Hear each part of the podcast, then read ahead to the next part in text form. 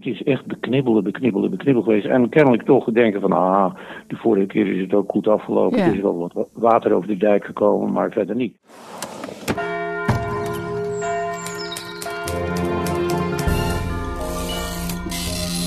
Je luistert naar het geheugen van Brabant.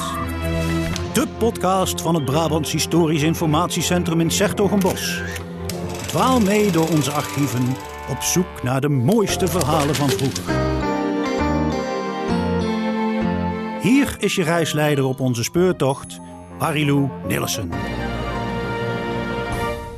Hoi Anton, ben je al bijgekomen van onze special over het Cosmos Science Center? Zeker wel. En weet je Marilou, dat we op die aflevering ook heel veel leuke reacties hebben gekregen? Oh ja? Ja, bijvoorbeeld van de mensen van Eftepedia. Je weet wel, de internet-encyclopedie over alles wat de Efteling eh, betreft. en, en een luisteraar uit Tilburg bijvoorbeeld, die schreef dat hij als tiener vaak in de Beekse Bergen en de Efteling kwam. En dat onze podcast voelde als een throwback. Ah, nou, dat is mooi om te horen. En van het onderwerp Cosmos Science Center in onze special gaan we nu naar een veel zwaarder onderwerp. De watersnood van 1953.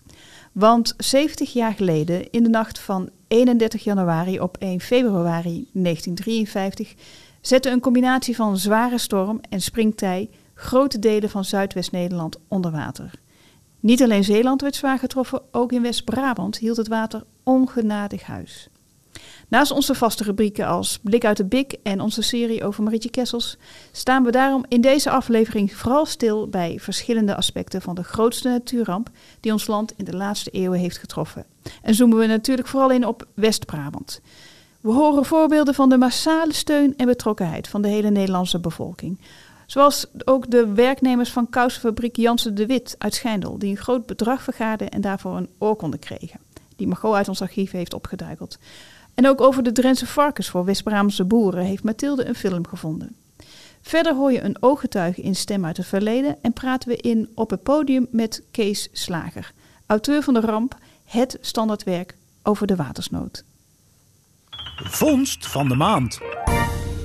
Maar gewoon een dergelijke dramatische gebeurtenis, dat maakt natuurlijk een enorme indruk bij heel veel mensen. Jij gaat dat op zoek naar- een speciale vondst. Dat klopt. Wat heb je aangetroffen in ons archief? Nou, mijn oog viel deze keer op een kleurrijke oorkonde die ik vond in de kaartencollectie van Langsaan Dommel. De oorkonde werd toegekend aan de leiding en het personeel van de kousenfabriek Jansen de Wit in Schijndel. De sok? Ja, klopt. Ja. Ze hadden maar liefst eh, 50.000 gulden geschonken aan het Nationaal Rampenfonds. Nou, maar ik doe, en als je dat gaat omrekenen, kom je nu op zo'n eh, 225.000 euro. Zo, dat is dus een flink bedrag. Ja, gigantisch, hè? Ja, van alleen Jansen de Wit. Ja, klopt, klopt. En eh, nou ja, goed, ehm, op de ja, oorkonde zie je staan toegekend aan de leiding en het personeel van Jansen de Wit Kousenfabriek Schijndel. En daaronder staat eh, bij de grote watersnood van februari 1953 verbonden leidingen en personeel zich om 50.000 gulden te schenken aan het Nationaal Rampenfonds naar aanleiding van de radioactie Beurzen Open Dijken Dicht. En daarbij onder staat in dankbare herinnering aan deze edelmoedige daad. En eh, de oorkonde is ondertekend door eh, Prins Bernhard, want Ah. hij was eh, voorzitter van het Nationaal Rampenfonds in die tijd. Oké. En verder ook de directeur, dat is P. Alons. Ja. Oké. En En, eh, je- en wapens zie ik, hè? ja, klopt. Inderdaad. Prachtige, kleurrijke wapens. Ja, allemaal de wapens van de provincies die getroffen waren door deze ramp. Ah ja. En, en bovenaan het wapen van eh Jeanette André. Ja, klopt. Inderdaad. Ook een beetje ja. naar veranderd. Maar wel bijzonder dat zo'n ramp ook weer al die hulp eh, losmaakt in feite. Hè? Nou, zeker. Eh, de hulp die Brabant, nou ja, heel Zuidwest-Nederland kreeg, werd een tweede springvloed genoemd. Dat is een beetje raar eigenlijk. Maar wat ze daar eigenlijk mee bedoelden, is dat er gigantisch veel mensen op de been waren. Onvoorstelbaar hoe de mensen elkaar hielpen. Honderden mensen trokken meteen spontaan richting Brabant en andere getroffen gebieden. En dat leidde ook wel tot chaos, want er werd ontzettend veel geïmproviseerd. Ah, Ja, klopt. Mensen die in een pyjama of onderbroek door het water waren overvallen. Mhm. En die konden op hoger gelegen plekken in het dorp of stad eh, voor de eerste opvang terecht. En daar kregen ze eh, warme en droge kleding die in de haast uit alle kleerkasten was eh, gerukt. Ah ja. Maar ook heel veel officiële instanties, zoals het Rode Kruis en het leger, kwamen meteen in actie. Hm? En zo vond ik in het archief van de commissaris van de Koningin in Noord-Brabant, Jan de Kwaai, een regeringstelegram. En dat had hij gestuurd op 4 februari om half één middags. En daar spreekt hij over een plaatselijke inzameling van geld dat gestort zou worden in het Nationaal Rampenfonds. Maar eigenlijk eh, waren ze er al lang mee begonnen, want eh, maandag 2 februari stond de teller al op 2 miljoen. En na een week was dat zelfs eh, opgelopen tot 24 miljoen. En, nou ja, Gulden, dus, neem ik aan, Ja, dat ging eigenlijk heel snel. Ja, Ja. Hey, maar, maar gewoon even terug naar Jansen de Wit, hè? Want Ja. die deed mee aan die actie, radioactie, zei je? Ja, Beurzen klopt. open, dijken dicht? klopt. Ja. En ja, ik kan niet goed terugvinden hoe ze dat geld nou bij elkaar hebben verzameld. Maar ik heb wel een beetje een vermoeden. Eh, want er wa- waren heel veel oproepen, er werden heel veel oproepen gedaan, ook eh, aan het bedrijfsleven. En zo las ik in een artikel, eh, het blad Mercurius, dat is een orgaan van de Vereniging van Handelsbedienden, van 13 februari 1953, dus eh, nou ja, Vlak twee weken, ja, net Ja. daarna. En eh, daar riep eh, de Stichting van de Arbeid het bedrijfsleven op dat alle werknemers nog deze week via hun werkgever een bijdrage moesten storten in het Nationaal Rampenfonds. Nou, minstens van een bedrag van één uur loon of salaris. En dat bedrag zou dan door de werkgevers met een gelijk bedrag moeten worden verhoogd. Ah, vandaar. Ja, klopt. En het tweede wat ze ook eh, vroegen was dat werknemers ten minste acht uur moesten overwerken. En het geld wat daarmee verdiend werd, zou ook weer met een gelijk bedrag van de zijde van de werkgever verhoogd worden en afgestaan worden aan het rampenfonds. Nou ja, dan kan het best wel snel gaan. Hè? Je- Inderdaad, want Ja. eh, als Jansen de Wit eh, alle werknemers heeft opgeroepen om daaraan mee te doen, dan, dan gaat het van ponstypistes tot eh naaisters tot, nou ja, Ja, ja, iedereen. Ja. Ja. klopt. Ja. En dat hebben natuurlijk heel veel bedrijven op die manier gedaan. Ja. Zeg, even terug naar beurzen open, dijken dicht, want daar had je het net even over. Ja. En dat- dat staat dus ook in de oorkonde, want zij hebben dat geld met, tijdens die actie gegeven. Dat is wel leuk om te vermelden, want dat was de eerste landelijke radioactie om geld op te halen. Oh, Ja, klopt. ik denk En- meteen aan eh Ja. Open het Dorp, maar ja, dat is natuurlijk veel later. ook aan. Oké, Ja, want dat was in 1962 op tv. En, eh, maar zij waren eh, ja, negen jaar eerder. Kijk. En dat vond ik dan toch wel weer een leuk detail. ja, kan me voorstellen. ja. ja. Als je wil weten hoe die oorkonde eruit ziet, dan ga dan naar bhic.nl slash podcast. En daar vind je ook het filmfragment dat Mathilde nu gaat bespreken. Bedankt Margot. Graag gedaan. Brabant in beelden. Dag Mathilde, we hebben het dit keer over de watersnoodramp. Hè? En ehm, daar zijn eh, beelden van, heel veel volgens mij, maar die zijn vooral van na de ramp. Hè? Het, het moment zelf, ik zal maar zeggen, de, de storm en het zwart, het water, die zijn er bij mijn weten niet. Die ken ik ook niet. Het is natuurlijk ook een heel andere tijd waarin dat eh, gebeurde. Dus nu zou je beelden hebben van een ramp zelf, Mhm. soms zelfs van het moment daarvoor. Maar in 1953, ja, daar, daar zijn dat soort beelden niet van. Nee.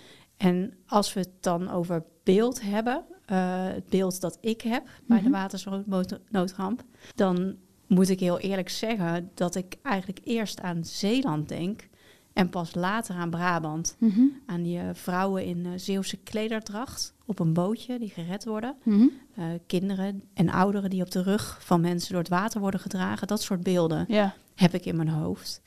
Eh, ja, ook ondergelopen land natuurlijk. En huizen waar het water tegen de bovenverdieping aan klotst. Ja, ik vind ook altijd heel indrukwekkend die foto's en die filmbeelden van dode dieren, van koeien bijvoorbeeld, die dan eh, ronddobberen. Ongeveer 7000 stuks verdr- verdrinkt in Brabant, las ik in het boek van Kees Slager, die ook onze hoofdgast is, die je later hoort. Het zijn toch duizelingwekkende aantallen als je Ja. dat zoveel hoort. Ja, bizar. En in heel, heel het land eh, werden, zoals Margot eh, net ook vertelde, ook hulpacties op touw gezet. Mhm. En die hulpacties die konden natuurlijk ook gericht zijn op hulp aan mensen die die dieren waren verloren. En zo vond ik in het archief van Polygoon, eh, van de bioscoopjournaals, zoals die in die tijd werden gemaakt, een stukje film over Drentse varkens en biggen die geschonken werden aan West-Brabant. Zullen we een stukje kijken? Laten we dat doen. In Breda zijn een paar veewagens uit Drenthe komen binnenrijden die een groot aantal varkens en biggen vervoerden. Een geschenk van de Drentse boeren aan de landarbeiders in de getroffen streken van West-Brabant die hun vee tijdens de ramp hadden verloren. Ja, we horen hier eh, de bekende stem van Philip Bloemendaal van het Polygoonjournaal. Eh, Terwijl door het beeld, zoals je ziet, van die prachtige ouderwetse wagens rijden. Kennelijk zijn het veewagens. En voorop die wagens eh, hangt een doek met de tekst geschenkszending varkens van Drenthe naar het rampgebied. Er gaan dus varkens en biggen uit Drenthe naar deze mensen eh, in de getroffen gebieden in West-Brabant. Eh, een kleine 300 zijn het er. En ze gaan nadat ze in Breda in een stal overnacht hebben met personenauto's naar het rampgebied. Personenauto's? Ja, ja, kijk hier maar eens. Iets verderop in het filmpje zie je een auto. En het is eh, jaren 50, dus het is zo'n mooie oldtimer. Met achterop de auto een gevlochten grote koffer. Een soort mand van stro met een deksel erop. En daarin zit dan dus een varken, of twee zoals in dit geval. Zie je? Oh, oh, oh, dus die varkens zitten niet in, in die personenauto's. Ik zag ze al op de achterbank. Maar ze zitten in een mand achterop. Ah ja. Ja, en in die mand zitten dus eh, twee varkens in dit geval. En het eerste varken wordt eh, in het filmpje overhandigd aan een man met een eh, wel heel opvallend slecht gebit. Dat is misschien niet echt een typisch beeld voor de watersnood, maar wel voor de jaren rond de oorlog. Veel mensen Hm. eh, hadden toen nog niet zo'n goede gebitten als nu. Nee, nee, nee. En volgens mij, zo te zien, is het wel een speciaal persmomentje. Want die meneer ziet er ook wel, wel keurig uit met zijn stroptas om en zijn pet op. Ik vraag me af Ja. of je als boer zo aan de slag ging. Zou ik maar zeggen. Ja. Eh, Zullen we even verder kijken? Ja. Voor de landarbeiders betekent de geschenkszending uit Drenthe een eerste stap op de weg naar het herstel van de doorgaans kleine veestapel die zij bezaten. Maar hoe zou dat zijn gegaan eigenlijk met het inzamelen van dat, al dat vee? Ja, ik denk dat iedere Drentse boer die het kon missen, een varken of een big schonk aan het goede doel. Ja, want je moet je voorstellen dat een boerengezin in die tijd vaak niet meer had dan een stukje grond met wat graan en wat groenten die ze verbouwden. En een paar kippen, een geit, een koe en wat varkens. Dus ja, één zo'n varken wat je dan kreeg, dat was toch wel een groot verschil voor die mensen. Ja, ik snap het. Oké, even terug naar het filmpje. Ja, het eh, volgende varken, eh, ook uit dat mandje achter op de Ja. auto, dat wordt aangenomen door een vrouw met een schort voor. En het gezin heeft, zoals je ziet, een heel stel kinderen. Ik tel er hier zo vijf. En woont kennelijk in een klein, nog heel erg beschadigd huisje. En om daar te komen moet degene die de varkens geeft over een soort smalle geïmproviseerde brug over een sloot. eh, met dat varken in zijn armen. Ja, en, en, en die brug, dat is volgens mij niet meer dan een plank over, eh, over de sloot heen. Hè? Nee. En, en die kinderen, die, die bespringen bijna dat varken. Hè? Het is, eh, maar het is wel mooi om te zien hoe, dat, hoe die hulp dan daar aan toe ging. Ja, ja, vind- dat vind ik ook. Ja, daarom heb ik dit filmpje ook eh, meegenomen. Maar nog aardig om nog even te laten, te laten horen hier... is aan het einde van het filmpje staat Polygoon ook nog kort stil... bij hoe het voor de varkens moest zijn... Oh ja? om zo vanuit Drenthe in de Brabantse polder terecht te komen. De varkens werden door hun nieuwe omgeving met enthousiasme ontvangen. Ze zullen er wel gauw wennen. Dankjewel, Mathilde. Ja, dat was dan misschien ook weer de eh, voordeel van de ligging van West-Brabant. hè. Ehm, dat het voor hulpgoederen relatief makkelijk te bereiken is. Voor zover je voor een, een voordeel kan eh, spreken. Want dat de Brabant veel vaker het vergeten rampgebied is. Daarover praat onze gast Kees Slager, schrijver van het boek eh, De Ramp, je zo meteen bij. Maar eerst... Stem uit het verleden.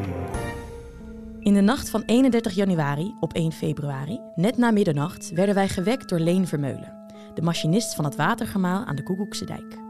Hij zei: Zoek zo snel mogelijk wat spullen bij elkaar en maak dat je wegkomt. De hele polder zal onderlopen. Mijn vader draaide toen als eerste het sluisje dat onder de lapdijk doorliep dicht. Daarna ging hij samen met mijn broers Kees, Piet en Wim een deel van de huisraad naar boven brengen, zodat wij bij terugkeer ons leven weer op konden pakken. En samen met mijn moeder ging ik kleding en wat spullen inpakken. De kinderen uit bed halen en warm aankleden. Er waaide een gure, koude wind die dwars door je kleding heen ging. Samen met de buren besloten we naar de Rode Vaart te lopen. Fietsen was met deze storm niet te doen en de Rode Vaart lag op veilige hoogte. Toen we boven aan de dijk kwamen, sloeg de schrik ons om het hart. Het wild kolkende water stond bijna aan de bovenkant van de dijk. We moesten snel handelen en de tocht werd ingezet. Allerkleinste in de kinderwagen en de andere kleine op de rug en schouders van de ouderen. Al na enkele minuten sloeg het noodlot toe. De dijk tussen ons huis en de boerderij van Bastiaanse begaf het onder de druk van het woeste water. Met een donderend geweld stroomde het water de polder in, die wij juist hadden verlaten. Koeien, paarden en hele bomen werden met de stroom meegevoerd. We beseften dat er maar één manier was om te overleven: direct omkeren en proberen de achterdijk te bereiken. Hoe lang we erover deden, valt moeilijk in te schatten, maar het waren de meest angstige momenten die een mens kan beleven. Op zulke momenten probeer je steun te zoeken bij God en gaat je hele leven als een film voorbij. Toen we de Achterdijk bereikten, zijn we vanaf daar met de PTT naar Zevenbergen gebracht, alwaar wij hartelijk werden ontvangen bij Boer Huismans. We werden opgelapt en naar Breda gebracht. Later kregen mijn broers vergunning om thuis te kijken wat er nog te redden viel. De schrik was groot toen zij zagen dat het water nog 80 centimeter op zolder had gestaan. Er was niets gespaard gebleven en de actie om dingen veilig te stellen bleek zinloos te zijn geweest. Toen dat slechte nieuws werd verteld, zei mijn vader: We zijn dan alles kwijt, maar we hebben elkaar nog. Corrie Eestermans-Buis is de oudste dochter van een gezin van 14 kinderen. Van het echtpaar Laurentius Buis en Adriane van Moergastel uit Moerdijk. Hoezeer de watersnood een impact heeft op hun leven blijkt ook uit het bidprentje van de vader, als hij in 1981 overlijdt. Hierop wordt gerefereerd aan de grote zorg die hij voor zijn gezin heeft gehad. Er staat: Dat herinneren we ons het beste als we terugdenken aan de jaren van de oorlog en de watersnood. De brief werd voorgedragen door Maxime van Loenhout, onderzoekster bij het BIC en eigenaar van Maxime Voice Studio. In onze krantenrubriek gaan we normaal gesproken 100 jaar terug in de tijd en zoeken we berichten die betrekking hebben op het thema van die maand. Maar over een ramp die pas 30 jaar later zou plaatsvinden, staat natuurlijk niets in de kranten van februari 1923. Daarom bladeren we deze keer door de kranten van februari 1953 en kijken we naar advertenties die op de een of andere manier verwijzen naar de grote ramp die ons land op de eerste van die maand had getroffen. De conferentie Sint-Vincentiusvereniging Allerheiligst Sacrament organiseert een grote canasta- en rik-drive ten bate van de slachtoffers van de watersnood in Hotel De Postzegel op dinsdag 10 februari 1953. Aanvang half acht.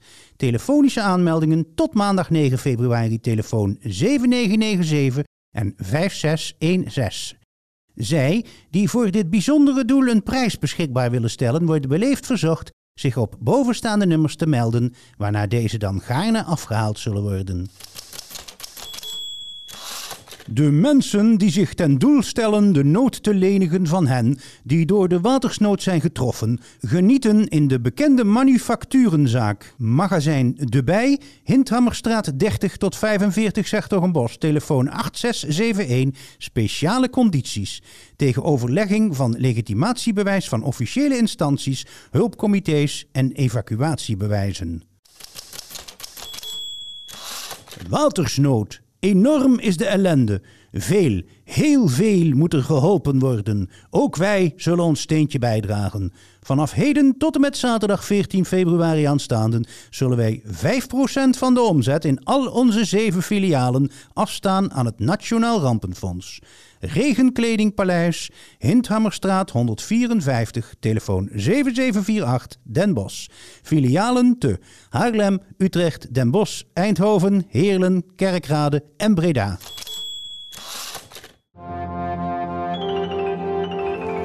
Op het podium. Telefonisch zochten we contact met een oud stoomgemaal aan de Oosterschelde, de woning van Kees Slager. Met Kees Slager. Slager is auteur van het boek De Ramp, het standaardwerk over de watersnoodramp van 1953.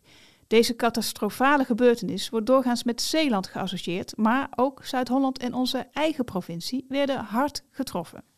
Voor onze podcast zoomen wij nu in op de, de Brabantse kant van deze gebeurtenissen. Hè? En Ja, nou, in ja. uw boek drukt u ook de omvang van de ramp in West-Brabant ook in cijfers uit. Hè? 254 mensen, 7000 stuks vee die verdronken, dik 500 huizen en boerderijen eh, verwoest. Ehm, Nou, dat heb je goed gezien. Ja, ik heb wel even meegeschreven, moet ik zeggen. hoor. Is dat gebied in uw ogen wel eens het vergeten rampgebied?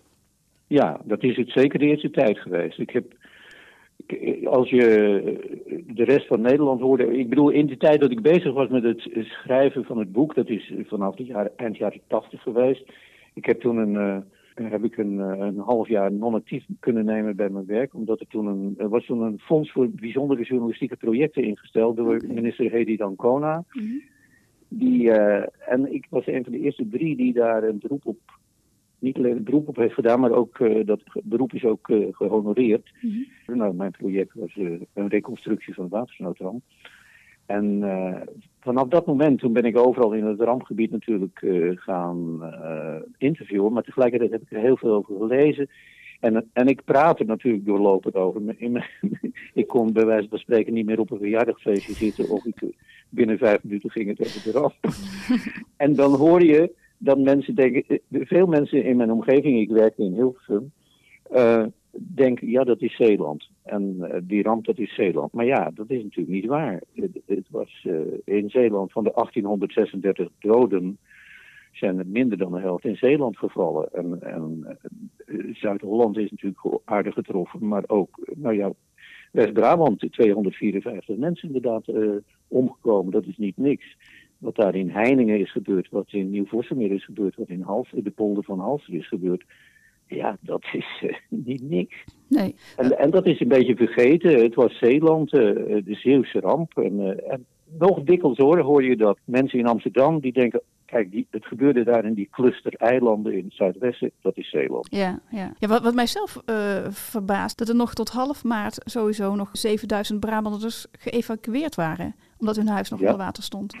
Ja, ja, ja. Er zijn natuurlijk eh, Zeeuwen die pas na een paar jaar weer terug Ja. kunnen komen. Ja, Ja, nee, dat is zeker waar. Ja. Maar, de, maar ja, je moet bedenken, als dat eenmaal verwoest is en die polders, op het moment dat uiteindelijk de dijken dan weer zijn hersteld, dan moeten de, de gemalen moeten die polders leegpompen.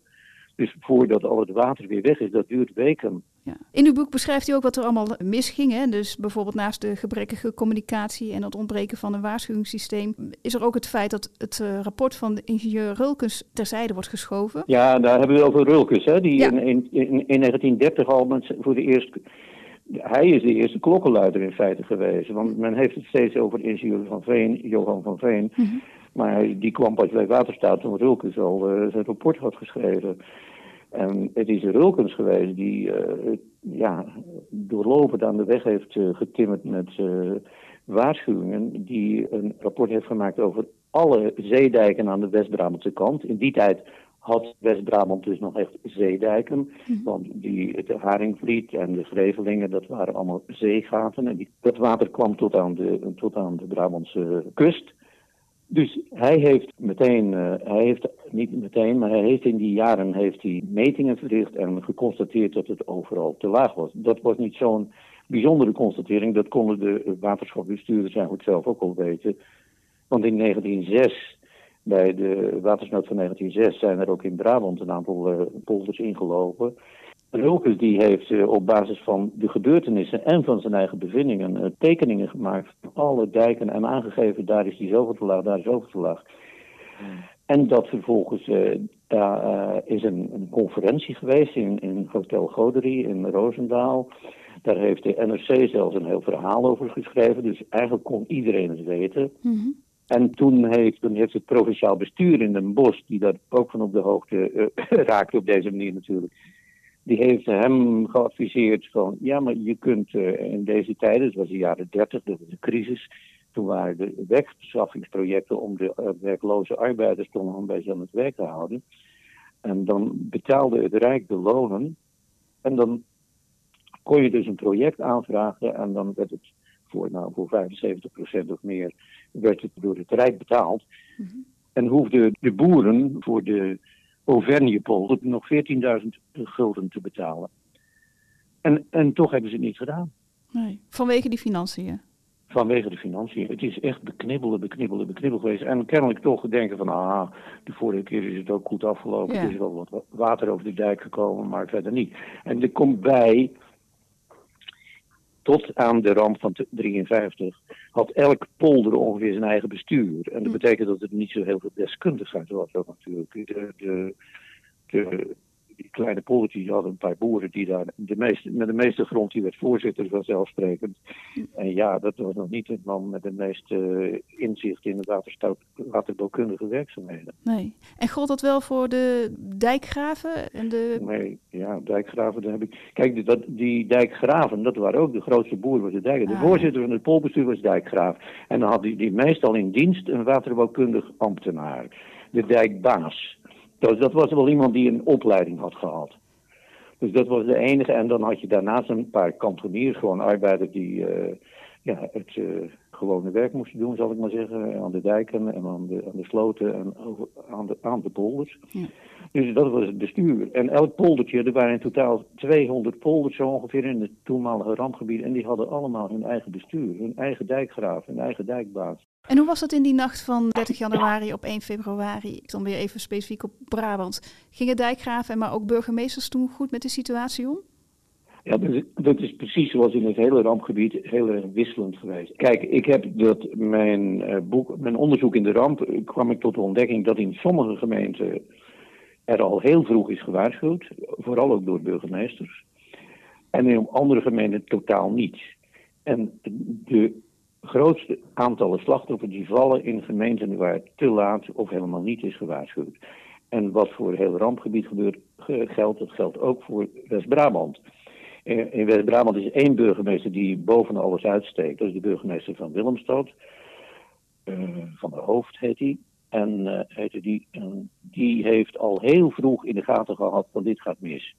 En die heeft toen eh, al om twaalf uur de politie en allerlei andere mensen de polder ingestuurd van de mensen waarschuwen en laat ze naar het stadje komen. Ja, Willemstad is een, een, een vestingstadje.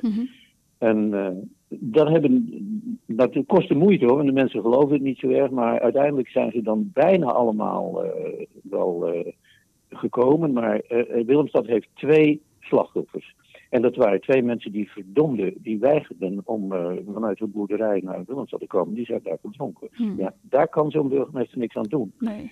Maar je had ook burgemeesters die ja, gewoon niet gewaarschuwd waren, veel te laat gewaarschuwd, die te aarzelend waren. Er is een voorbeeld van de burgemeester van Nieuwvoorse Meer. Die eh, urenlang eigenlijk, eh, ja, hij was wakker hoor. En die had in de gaten dat het heel erg slecht was. Maar het stond wel op het hoogste deel van het dorp. En heeft te lang gewacht met het laten waarschuwen van mensen in de polder. En op het laatste moment heeft hij eh, mensen op de polder ingestuurd. Dus er is een hele rij arbeidershuisjes is in één klap door die vloedgolf eh, meegenomen. Wat Dus een, eh, ja, en er is ook een burgemeester eh, in die van Feyenoord, want Feyenoord en Heiningen is ook zwaar getroffen.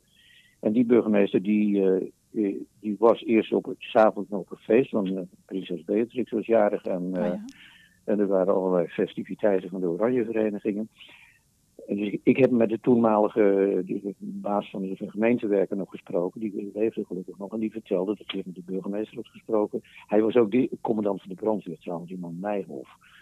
En eh, ja, die burgemeester is gewoon naar bed gegaan. En het heeft moeite gekost om die man wakker te krijgen. Die is opgebeld door de burgemeester van Willemstad. En hij heeft de telefoon niet gehoord. Hadden mensen nog wel een telefoon in het begin? Eh, Zeker niet iedereen, maar een enkeling had een telefoon, zeker de burgemeester wel. Maar je had geen telefoon naast je bed. Die hing gewoon in de Ja. gang ergens. En dan moet je het maar horen. Ja. En zeker als de storm zo giert eh, rond je huis, Ja. dan hoor je dat waarschijnlijk ook niet. Dus Nee. het is hem ook niet zo kwalijk te nemen. Maar er is ook een dijkgraaf in Klundert, die dan op een gegeven moment ook zegt van, nou, het valt allemaal wel mee. En die, die heeft om twee uur s'nachts tegen de burgemeester Draaier, wordt dat van, eh, van Klundert gezegd, nou, ik zou de bevolking niet alarmeren. Dus dan zie je de, ja, wat voor eh, vakman dat was is geweest. Er is natuurlijk in Brabant ook nog iets bijzonders geweest. Dat de burgemeester van Hoofd van de Willemstad, die iedereen opbelde die echt kabaal maakte. Die heeft ook de commissaris van de Koningin opgebeld. De kwaai was toen de commissaris van de Koningin. Mhm. En gezegd, ja, dat gaat hier helemaal mis. En de kwaai die hoorde dat aan. En ja, die zei, zou maatregelen nemen. Maar toen heeft hij een paar uur later weer naar de kwaai gebeld. En toen hoorde hij al dat de kwaai uh, in bed lag. En dus zei hij, hoe kunt u dat nou doen? Maar ja, de, de, het hoofd van de waterstaat, die had uh, tegen de kwaai gezegd, ah, die van hoofd, dat is altijd een beetje een druk te maken, dat zal wel meevallen. Op die manier werd er door nogal wat autoriteiten ook uh, gereageerd. En terzijde gelegd? Ja, die van hoofd, dat was een beetje een opschepper. Dus ja, laat je niet op naar uh, commissaris, het zal wel meevallen. Nou, dat viel dus niet. Los van de dramatische gevolgen die zo'n beslissing heeft gehad, lijkt me het voor de mensen die het betreffen ook rampzalig dat je dan met die wetenschap verder door moet gaan. Dat als je wel eerder had gehandeld, dat het allemaal heel ja. anders had kunnen gaan. Maar goed. Ja, en, en toch is daar weinig van te merken. Oh. Er, er zijn, nou ja, kijk, er zijn na de ramp in de jaren 50 heeft bijna elk rampgebied, die hebben allemaal hun gedenkboek gekregen. En dan in al die boeken is het verhaal eigenlijk, dit was een onafwendbaar natuurgebeuren. De natuur krijgt alle schuld. Voor zover dat de mensen, de geformeerde mensen in, uh, in het Zeeuwse, want we zitten hier ook in de Bijbelbelt natuurlijk. Ja. Die denken, ja, dit is de schuld van onze zonden. We hebben, uh, God die heeft gestraft ons vanwege onze zonden. Maar in elk geval is in die, die denkboeken, ja, zie je alleen maar het perspectief van de autoriteit. En die autoriteit die had natuurlijk zelf boter op zijn hoofd. Die hadden ja, niet goed gehandeld. Die hadden ja, plichtsverzuim soms gedaan. Die hadden te laks gehandeld. En die hadden geen zin om in die gedenkboeken om dat allemaal op te schrijven. Er zijn eigenlijk geen, geen burgemeesters waarvan een aantal toch echt hele hebben laten afweten die... Uh, uh, afgestraft zijn ermee. Oh, ja, bijzonder. Nee, nee, nee. nee. Er zijn alleen burgemeesters die het heel goed hebben gedaan en die gepromoveerd zijn. Oké. Okay. Want ja, ook de burgemeester van Oostgesplaat, dat ligt tegenover Willemstad. En zowel van Hoofd als Hordijk, dat waren de burgemeesters van uh, Oostgesplaat en uh, Willemstad. Die waren in de oorlog bij de ondergrondse geweest. Die hadden meegedaan aan het uh, overvallen op distributiekantoren en zo. Mm. Kortom, dat waren stressbestendige mensen. Ja. En die waren ook gewend om in crisismomenten om meteen het voortouw te nemen en maatregelen te nemen. En zo is ook in Oogstgeplaatst. zijn ook maar twee mensen omgekomen. Heel dom, want die waren zelfs eerst aan het redden geweest, maar die moesten zo nodig ook nog een, hun eigen nieuwe uh, oogstmachine en een combine mm. uit de schuur halen. En daar zijn de deuren dichtgeklapt en dan hadden ze zichzelf, hebben ze zich toen uh, opgesloten. Dat is verschrikkelijk. Maar uh, zowel Hoordijk als Van Hoofd van Willemstad, dat waren voortreffelijke burgemeesters. Dus die waren er, maar er waren er ook, nou ja, die burgemeester, nee, laat ik maar niet al die namen noemen. Ze staan in mijn boek, want Ja. kijk, ik heb geprobeerd, zoals je een, een, een vergelijkend warenonderzoek van de consumenten hoe- ziet van hoe het wasmiddel werkt, heb ik geprobeerd om te kijken hoe in al die verschillende dorpen de, het bestuur werkt. Zowel de burgemeester, de dijkgraaf, al de brandweer, als eh, ja, wat er verder zou zijn. Ja, en daar is al het graadmeter op eh, losgelaten. Ja, ik ben eigenlijk getriggerd door. Ik heb veel in de archief ook gezeten. Ik maak heel erg. Bij het schrijven van boeken, ik schrijf al sinds 1981 boeken, maar die, die zijn voor een groot deel ook gebaseerd op wat heet oral history, gesproken Oh ja. geschiedenis. Maar dan wel vaak in de combinatie met eh, ge- geschreven geschiedenis. Dus je Mhm. moet ook in de archieven kijken of het klopt. Of eh, die levert er soms ook prachtige vragen en verhalen op. Mhm. En ik heb in het, eh, in het provinciaal archief van Zuid-Holland heb ik eh, een rapport gevonden van een eh, ambtenaar van provinciale waterstaat die op Couré Overflakkee al in maart of in april, dat weet ik zo niet uit mijn hoofd, maar in elk geval in, in- vrij kort na de ramp in al die dorpen heeft een overzicht heeft gemaakt van hoe laat is hier de klok geluid, hoe laat is de sirene geluid, Oké. hoe laat is dit gebeurd, hoe laat is dat gebeurd enzovoort. Toen dacht ik, verdomd, dat is het. Een vergelijkend warenonderzoek. En Ja. du- Dus heb ik vervolgens het boek ook zo geschreven. Dat was dan het archief van Provinciale Waterstaat? Waarin u Dat was Provinciale Waterstaat in in Zuid-Holland. Die Provinciale Waterstaat, die, die, die hebben ook eh, eh, steeds de regie gehouden bij het herstel. Terwijl in eh, Zeeland en Brabant door Rijkswaterstaat en door het Rijk dus de Provinciale Waterstaten min of meer op een zijspoor zijn gezet. En uh, de, heeft de Rijkswaterstaat de zaak overgenomen. Oké. Ja, want toen zat ik nog te denken, zet de klimaatdiscussie het onderwerp nog in een ander daglicht? Moet er opnieuw worden... Ja, er wordt wel steeds wordt dat wel geprobeerd. Hè? Dat zie je ook weer. Er is nu een herdenking in het Watersnoodmuseum. Dan zal het daar ook weer uiteindelijk over gaan. Ja, kijk, ik heb nog een ander boek geschreven. Dat heet Watersnood. Dat is uh, tien jaar geleden of zo uitgekomen. Ja. waarin ik uh, alle rampen van voor 1953 in het Zuidwesten ook nog eens op een rij heb gezet. En bovendien heb ik me de vraag gesteld, was 1953 de laatste ramp? En dat, met die vraag ben ik toen langs allerlei deskundigen gegaan. Ja. En de meesten die zeggen, nou ja, die durven niet te zeggen ja, maar een enkeling zegt wel ja, dit was de laatste ramp, want wij zijn zo goed gewaarschuwd.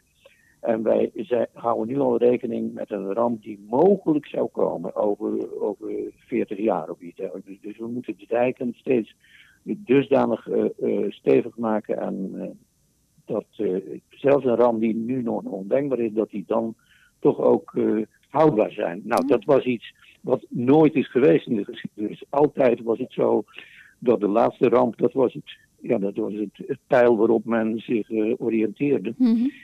En nu is dat niet meer zo. Ik vroeg me af, nou, we hadden van de week nog wat, wat waarschuwingen voor hoogwater eh, rond de Lingen en zo. Zijn dat ook nog dingen die bepaalde uh, gevoelens losmaken bij u? Of, of kunt u dat Ja, nou, het enige gevoel is dan van ze zijn er weer vroeg bij. Ik bedoel, wordt, om de havenklap worden er alarmsignalen afgegeven die uh, iets wat overdreven zijn. Nee, ik reageer ongeveer overal op. We hebben ook een tijd de minister Schultz van Hagen gehad die al een plan maakte om, uh, als er iets mis zou gaan met het water, dat we dan de snelwegen alleen maar eenrichtingverkeer uh, richting de hoge zandgronden zouden hebben. En dat iedereen toch snel moest wegwezen, terwijl dat echt overdreven is.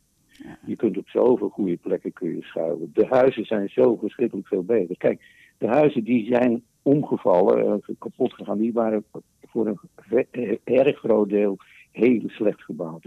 Halfsteensmuurtjes, arbeidershuisjes die niet bestand waren als daar een, een boomstam tegenaan spoelde, dan ging hij al onderuit, zal ik maar zeggen. Hmm. Intussen hebben we hele goede huizen. Eh, en ik denk dus niet. En we hebben een heel goed waarschuwingssysteem. Toen had bijna niemand een telefoon.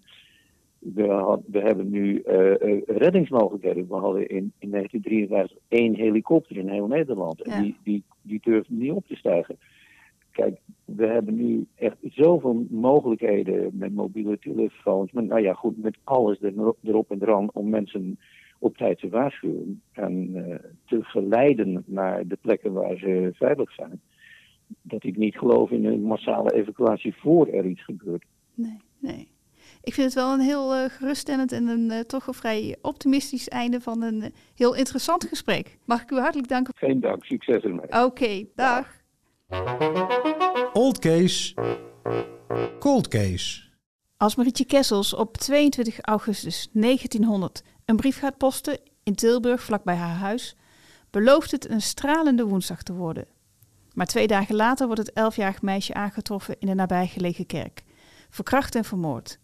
Ondanks verschillende verdachten en een lang strafproces wordt er nooit een dader veroordeeld. Samen met mijn collega Christian duik ik in de archieven op zoek naar de feiten en die vormen onze leidraad. We sloten de vorige keer af op een heel opmerkelijk punt in de rechtszaak. Advocaat Frans Pels-Rijken beschuldigt koster Johan van Isterdaal van mijneed. Dit keer zullen we echter zien dat hij naast de koster nog iemand beschuldigt. Hé hey Marilou, hoor ik nou net dat je de inleiding hebt aangepast? Aangepast? Ja, ja, want je zei nou heel expliciet verkracht. En dat noem je eerst niet. Ja, ja, nee, ja, dat klopt. Ja. ja, ik ben er altijd een beetje snel langs heen gegaan, omdat ik het zelf zo gruwelijk vind. Uh, misbruikt, zei ik volgens mij eerder wel. Oh, oké. Ja, weet je, maar toen zei een van onze luisteraars, eh, die was wat verbaasd omdat er ook sprake is van verkrachting. En toen dacht ik, ja, dat kan ik wel onselijk vinden. Maar feit is wel dat het is gebeurd. Want weet je nog die uh, lijkschouwing? Ja, ja. Ja, daar is dat ook door de artsen duidelijk vastgesteld. Maar uh, begrijp je tegelijkertijd mijn aarzeling om het zo te benoemen? Ja, ik snap dat wel hoor. Want je, ja, goed, uh, je hoort het gewoon liever niet, hè? laat staan dan dat je het uh, uitspreekt. Dus ik begrijp dat wel. En tegelijkertijd, ja, de feiten zijn onze leidraad, zeg je ook. Hè? Dus dan ja. moeten we dit ook gewoon als feit benoemen. Ja, nou inderdaad. Dus ik zet me gewoon over mijn afgrijzen heen en um, dan, dan maar zo. Maar iets anders, Chris. Want even terug naar Pels Rijken en zijn beschuldigingen. Want Pels Rijken is dan de advocaat van schilder August Mussaerts. Nou, zeg het even eenvoudig.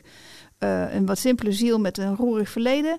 En uh, rond de verdwijning van Marietje is hij in de kerk aan het werk. En daarmee is hij volgens Pels Rijken de ideale zondebok.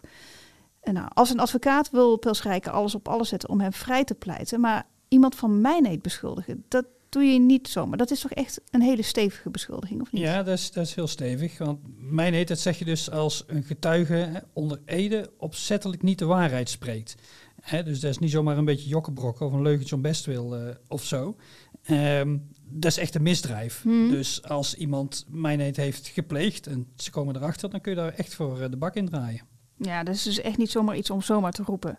En, en zeker Pels Rijken niet, want die gaat echt niet over één nacht ijs, lijkt me. Want als ik even in gedachten terugga naar de vorige aflevering. Er waren vier getuigen die onafhankelijk van elkaar de lezing van de koster onderuit halen.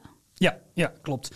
die koster, koster van Israël, die stelde dat hij tijdens uh, die verdwijning van Marietje thuis was. Hè, voor een mhm. levering van hout.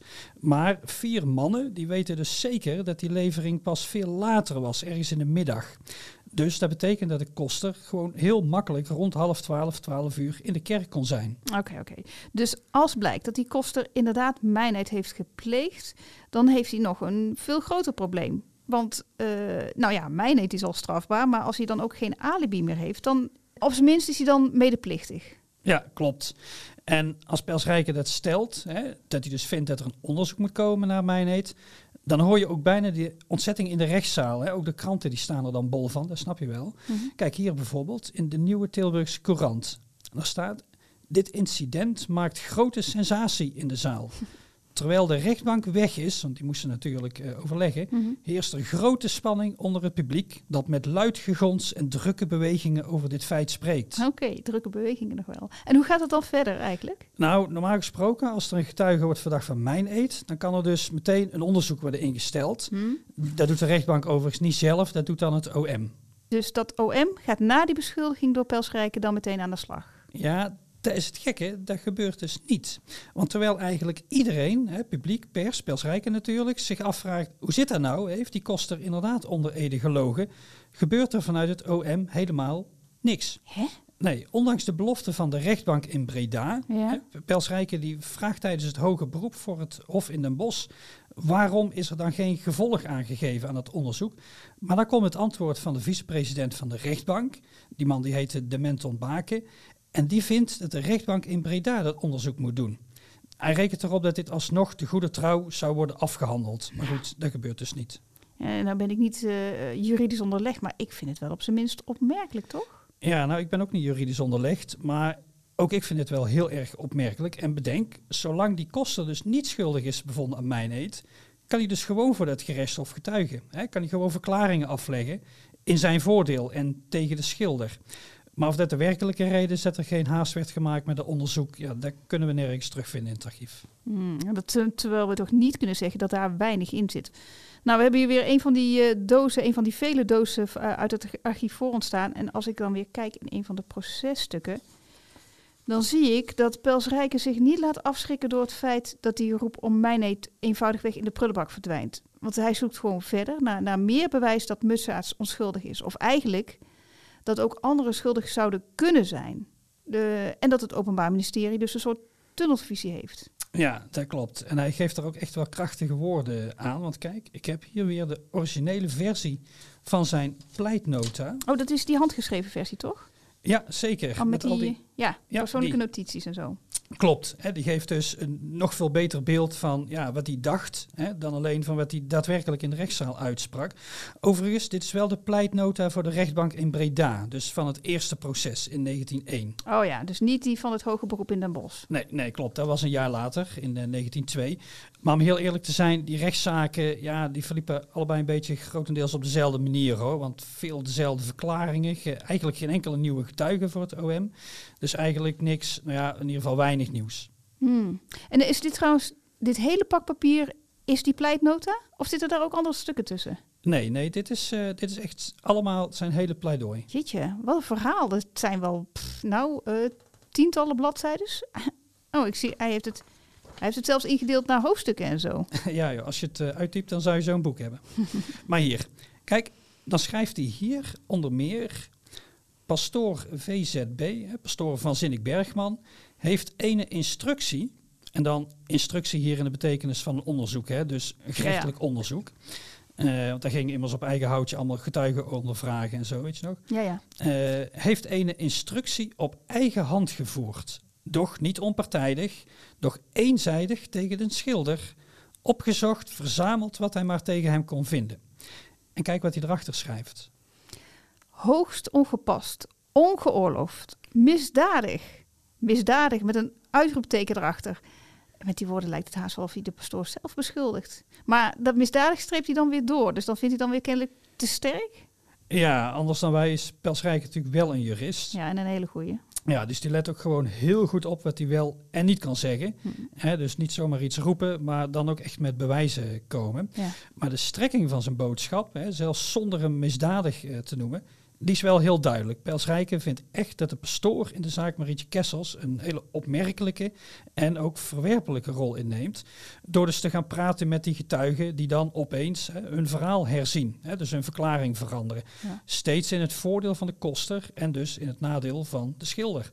En daar zagen we het best bij die oude postbode Jongbloeds, weet je nog? Jazeker. Ja, die was op het moment van de verdwijning in de kerk hoort dan een vreemd gejammer, hè, gehuil of zo. Mhm. En dan ziet hij kort daarop een hoogstgetergde man, de koster, wist hij zeker, de kerk verlaten. Maar na een bezoekje van de pastoor weet hij ineens niet meer zo zeker of dat de koster wel was. Van die dingen dus. Hmm, en wat vindt onze Pelsrijker er eigenlijk van? Nou, uh, die vindt daar het volgende van. Die haalt precies dat voorbeeld rond die Jongbloeds aan in zijn pleidooi. Lees hier maar eens. Eens even kijken. Jongbloed is een uiterst conscientieus man Oh, en dan met een sterretje in de kantlijn zie je dat hij dan nog iets sterker wil maken. Want dan schrijft hij er ook nog bij: niet in staat iemand valselijk te beschuldigen van zulk een vreselijk feit. En dat valselijk, dat heeft hij dan zelfs onderstreept. En dan gaat hij verder. De eerste verklaring van Jongbloed, toen alles hem nog helder voor de geest stond, toen hij nog niet bewerkt was, blijft de hare waarde behouden. Ja, en vooral dat bewerken hier. Hè? Ja. En je ziet Pelsrijk ook worstelen, hoe hij dit het best duidelijk kan maken, want hij kriebelt nog veel meer in die kantlijn. Zoals hier. Zolang de verklaring van Jongbloedster is, ook in de vorm zoals die hier ter terechtzitting onder Ede is afgelegd, is het onmogelijk de beklaagde, de schilder dus, mhm. te veroordelen. Want al zegt hij nu niet meer te durven verklaren dat het de koster is geweest, in elk geval heeft hij in de kerk een persoon gezien onder de omstandigheden over hem medegedeeld. In elk geval heeft hij die geluiden gehoord. Maar dat streept hij dan toch weer door. Ja, mooi is dat. Ja, dat is wel mooi dat je door onze archieven eigenlijk in, in iemands hoofd kan kijken. Hè? Dus um, deze redenering heeft hij op papier gezet. Het zat in zijn hoofd, maar hij vindt het niet overtuigend genoeg om het te gebruiken. Of misschien vindt hij het te sterk. Ja, in ieder geval niet juridisch 100% houdbaar tenminste. En dat is ook eigenlijk het mooie aan dit archief inderdaad. Hè. Je hebt de officiële archieven van de rechtbank. En daar hebben we ook stukken van uh, gezien. Maar hier heb je dus het persoonlijk archief van de advocaat. Hè, een van de hoofdrolspelers. Dat geeft gewoon extra nou ja, diepte aan zo'n verhaal. Hè. Niet alleen wat er is gezegd, maar ook wat iemand heeft gedacht uh, uh, te willen zeggen. maar het misschien dus toch niet deed. Maar over de reden waarom hij zulke woorden dan weer doorstreept? Ja, daar blijft het een beetje naar gissen. Want ja, daar geeft hij op papier dan weer geen verklaring uh, voor. Hmm. Maar de overgebleven woorden van Pelschrijker, die zijn echt wel overduidelijk. hij zegt hier bijvoorbeeld, dit alles toont bijna met volkomen zekerheid aan dat de koster het kind van het leven heeft beroofd. Maar met geheel volkomen zekerheid moet in elk geval worden aangenomen dat de koster in de zaak is betrokken geweest. Sterke bewoording hoor. Ja, dat vindt hij zelf ook. Want de laatste, hè, dat hij er zeker bij betrokken is. Oh, dat streeft hij dus weer door. Zou hij dan zo op eigen moeten lopen? Ja, dat zou je denken. Hè? Maar misschien wil hij ook zijn munitie sparen. Want ja, Pelsrijk is echt normaal gesproken niet bang het beestje bij de naam te noemen hoor. Hm. Lees eens vanaf hier. Zie vanaf waar dat hij schrijft, wat betekent dat alles? Ehm, wat betekent dat alles? Er is een onzichtbare hand die rusteloos werkt en vroet merkbaar in de gehele instructie en altijd ten gunste van de koster en ten nadele van de schilder. Maar die hand is toch niet zo onzichtbaar of zij kan wel worden opgespoord? Al die mensen die op hunne voor den koster bezwarende verklaring terugkomen, Al die mensen die tot op het laatste ogenblik nieuw materiaal tegen de schilder komen aandragen, hebben vooraf gesproken met pastoor van Zinik Bergman. Ja, en daar is geen woord van doorstreep, Marlo. Nee, dat staat er nog gewoon, na, ook na 120 jaar. Weliswaar op vergeeld papier, maar wel in keiharde woorden. Ja, en niet alleen op papier en ook niet één keer. Want Pels Rijken die herhaalt zulke woorden op 21 juni 1902 voor het Hof van den Bosch. Hij alleen durft het hardop uit te spreken. In zaken de verkrachting en de moord op Marietje Kessels moet de rol van pastoor van Zinnik Bergman nader onderzocht worden. Zo, die durft inderdaad, hè? Maar toen Pels Rijken die woorden uitsprak, ik las zelfs ergens dat de bliksem zou zijn ingeslagen. in de zaal, maar ook letterlijk in het gebouw. Alsof het weer buiten wist wat er binnen gebeurde, zeker. Ja, of nou, van die bliksem, eh, daar kon ik verder nergens anders terugvinden hoor, maar op één plek, maar toch. Maar jij, de pastoor in die tijd, dat is iemand die omgeven is van een bepaalde heiligheid, een soort onschendbaarheid. Voor veel katholieken moet het haast ondenkbaar zijn geweest dat hij daarmee te maken heeft. Ja, dat denk ik inderdaad ook. Maar we zagen al, Pelsrijk is protestant hè, en voor de duivel nog niet bang. En ook niet voor de katholieke kerk. Nee, dat is duidelijk. Maar waar leidt dat toe? Daar gaan we het de volgende keer over hebben. Blik uit het bek. Ik zou dit verhaal kunnen beginnen met te vertellen dat ik in zekere zin mijn grote liefde aan de watersnoodramp van 1953 te danken heb. Of in ieder geval toch in de genetische samenstelling waar ik zo dol op ben. Hoe dat zit? Nou, haar vader woonde in Dussen en werd als tiener na de ramp geëvacueerd naar een dorpje bij Heusden, waar hij jaren later een meisje leerde kennen. Het vervolg laat zich raden. Maar misschien moet ik maar niet verder gaan op dit pad, want zo kom je al gauw in de wereld van de what-if-verhalen en de alternate histories. Je kent ze wel. Die boeken, films en tv-series rond vragen als: wat als Charles Lindbergh president van de Verenigde Staten was geworden? Wat als Amerika de Tweede Wereldoorlog had verloren en was verdeeld tussen Nazi-Duitsland en het Japanse keizerrijk? Wat als niet de Europeanen Amerika, maar de Inca's Europa hadden ontdekt en veroverd? En ga zo maar door. Vermakelijk, zeker, maar misschien toch niet zo geschikt voor deze podcast. Oké, geen fantasie dus, maar een persoonlijke herinnering dan misschien. Ik ben van 1968, dus de watersnood heb ik niet persoonlijk meegemaakt. Maar toch heb ik er wel een sterke herinnering aan. Dat zit zo. Als kind ging ik met mijn ouders en mijn broertje in de zomer stevast op vakantie naar Zeeland, naar Burghaamstede op Schouwen-Duiveland. In die eindeloze, lome zomers van de jaren 70 verbleven we daar in een houten woning vlakbij de duinrand, niet ver van het strand. En als kinderen hadden we niet veel meer nodig dan water en strand, zand en duinen om ons prima te vermaken. Maar in de jaren 70 waren de zomers nog echt ouderwets Nederlands. Geen langdurige hittegolven, geen verdorde akkers, maar naast mooi weer, je kunt het je tegenwoordig bijna niet meer voorstellen, ook langdurige, druilerige, regenachtige periodes. De fikse wandelingen die mijn moeder dan voorstelde, hingen mij na een tijdje eerlijk gezegd behoorlijk de keel uit. Maar gelukkig waren er ook andere uitstapjes. Bijvoorbeeld naar het werkeiland Neeltje Jans in de Oosterschelde, waar op dat moment nog druk werd gebouwd aan de fameuze stormvloedkering. Dat was indrukwekkend om te zien. Die gigantische pijlers, die enorme schuiven, het technische vernuft. Maar wat verreweg het meeste indruk op mij maakte, waren de verhalen uit 1953. De geschiedenis van de watersnoodramp. Ja, historische interesse zat er blijkbaar al jong in en is ook nooit meer weggegaan. Nou, op een nacht daar in Haamstede, toen het echt heel hard regende en stormde, mij leek het de moeder aller stormen, al was het vergeleken bij de nacht van 1 februari 1953 ongetwijfeld maar een flauw briesje. Nou, op die stormachtige nacht schrok ik badend in het zweet wakker uit een nachtmerrie. Ik was ervan overtuigd dat de dijken waren gebroken en dat het water eraan kwam. Arme ik, die normaal zo veilig ver boven de zeespiegel woonde, zou nu net tijdens mijn vakantie, nu ik mij zo vlak bij de woeste zee bevond, jammerlijk verdrinken. Het heeft mijn moeder nog heel wat moeite gekost om me weer tot bedaren te brengen. Ik heb het later nog eens opgezocht. De plaats waar wij verbleven, daar in Haamstede, in de Duinrand, blijkt een van de weinige plekken op Schouwen te zijn die in 1953 niet is ondergelopen.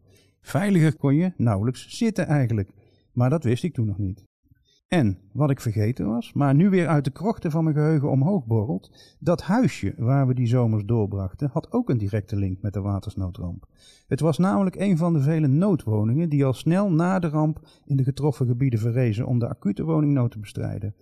Hoe dat zat? Nou, om de daklozen in de getroffen regio's te helpen, hadden Noorwegen, Finland, Zweden, Denemarken, Oostenrijk en Frankrijk bij elkaar maar liefst 860 houten prefab woningen geschonken, die over het hele rampgebied werden verspreid, onder andere dus ook in Burghaamstede. En heel veel van die huisjes staan er nog steeds. Uit een inventarisatie in opdracht van de provincies Zeeland en Zuid-Holland uit 2021 blijkt dat 540 van de 661 huisjes in die twee provincies nog in de een of andere vorm aanwezig zijn. De overige 200 huisjes zullen dan in het Noord-Brabantse deel van het rampgebied zijn terechtgekomen, denk ik. Maar onze provincie deed helaas niet mee aan die inventarisatie. Mijn collega Frans wees mij op de Oostenrijkse woningen in bijvoorbeeld Bokstel en Os, maar die stammen al van kort na de Tweede Wereldoorlog. Maar er zijn ook in Brabant wel degelijk noodwoningen voor de watersnoodslachtoffers geplaatst. Neem bijvoorbeeld de 10 Noorse woningen die in maart 54 zijn neergezet in de gemeente Dussen. Ja, de plaats waar ik zojuist mee begon. Daarmee is mijn verhaal mooi rond. Laat ik eindigen met een toeristische tip. Vier van die noodwoningen zijn tegenwoordig nog te bezoeken.